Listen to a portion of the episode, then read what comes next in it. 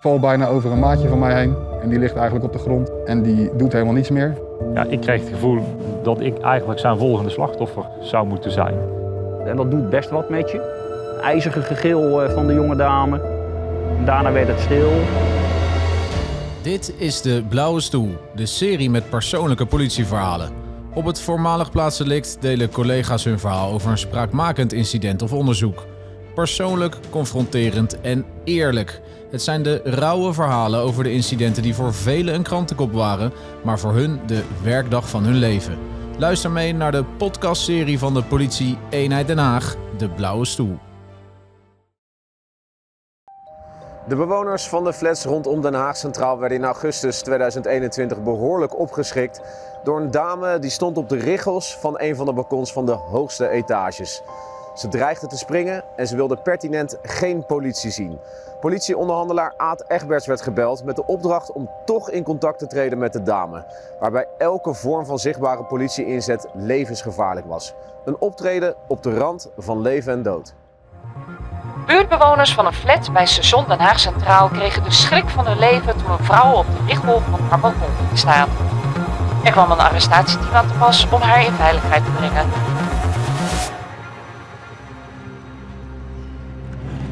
Ik ben uh, Aad Egberts. Ik ben uh, politieonderhandelaar voor de eenheid Den Haag. We zitten hier op het uh, busstation van Centraal Station. En we zitten hier omdat hierachter in beeld een flat staat waar ik in augustus 2021 een bijzondere inzet had.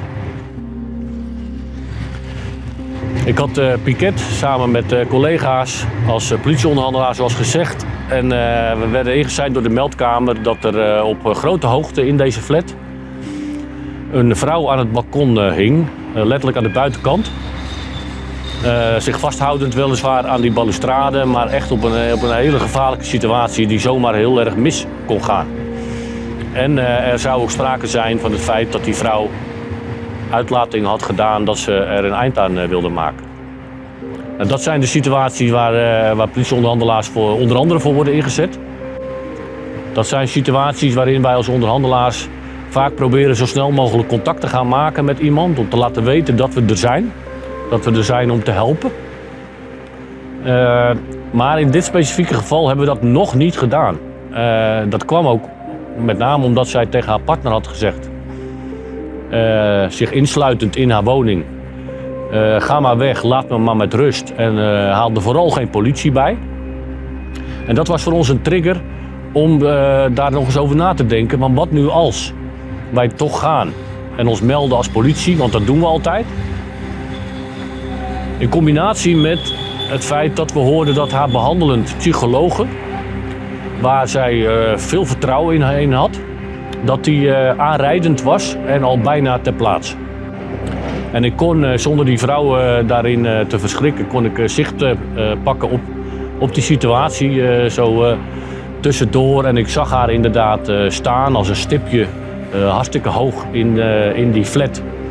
de psychologen hebben we uiteindelijk nou aangestuurd door al heel snel in die, in die woning waar we dus konden zijn, haar stem te laten horen om heel snel ook een bekende stem voor haar uh, maar, uh, hoorbaar te laten maken. Zo heeft, hey, ik hoor mijn psychologen, dit is een vertrouwde stem, ik schrik hier niet van. Dat was de opzet en die slaagde gelukkig.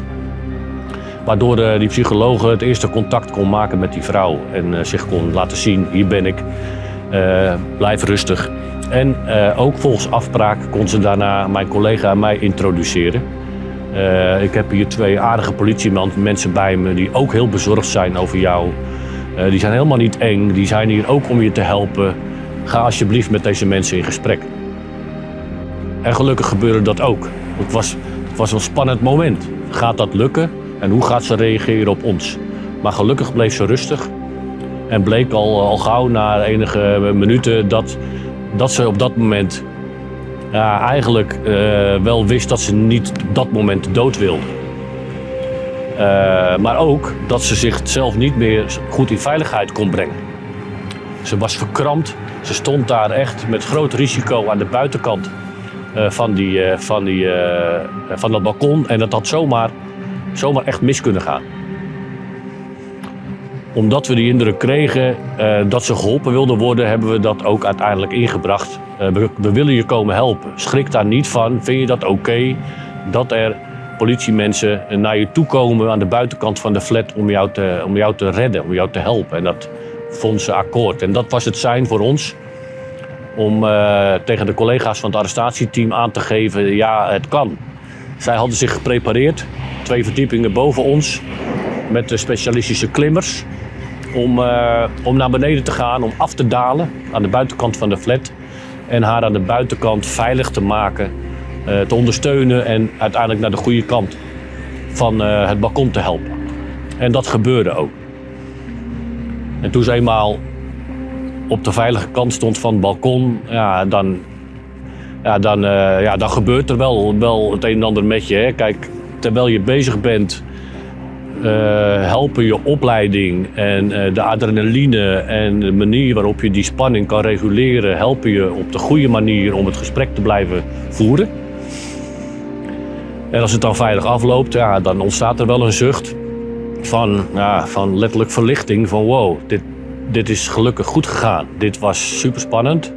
Dit is gelukkig goed gegaan en we hebben met elkaar hier uh, met die specialisten, uh, met, met die psychologen, met iedereen die erbij betrokken was. We hebben vandaag een, uh, het leven van die vrouw gered. En dat, ja, en, en dat, is, dat is het bijzondere van ons vak. dat besef je niet altijd, maar dit zijn wel van die situaties waarin dat nog eens extra naar voren komt. En deze situatie ja, maakte het nog bijzonderder dan het al was. Toen we een, uh, maar een, uh, een, kleine twee weken later een, uh, een, kaart ontvingen. gericht aan, aan een aantal mensen die erbij bij betrokken waren. En dat is deze kaart. En ja, dat gebeurt ook natuurlijk niet zo heel vaak. Maar, en die kaart die was gericht dus, staat hier letterlijk aan de agenten en de onderhandelaars van de politie Den Haag. de leden van het arrestatieteam de ambulancebroeders en hun collega's van de GGD. En de tekst uh, is: Op 23 augustus uh, redden jullie mijn vrouws leven.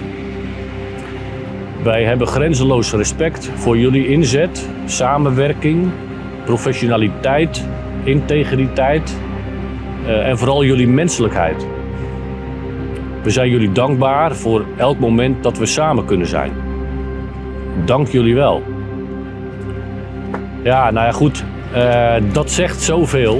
Het zegt zoveel over de belevenis van, van die mensen, van die vrouw, van haar partner.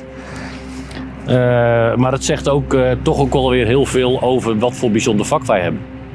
En in welke bijzondere situaties als politiemensen terechtkomen. en, en hoe je er kan zijn voor, voor de mensen, letterlijk.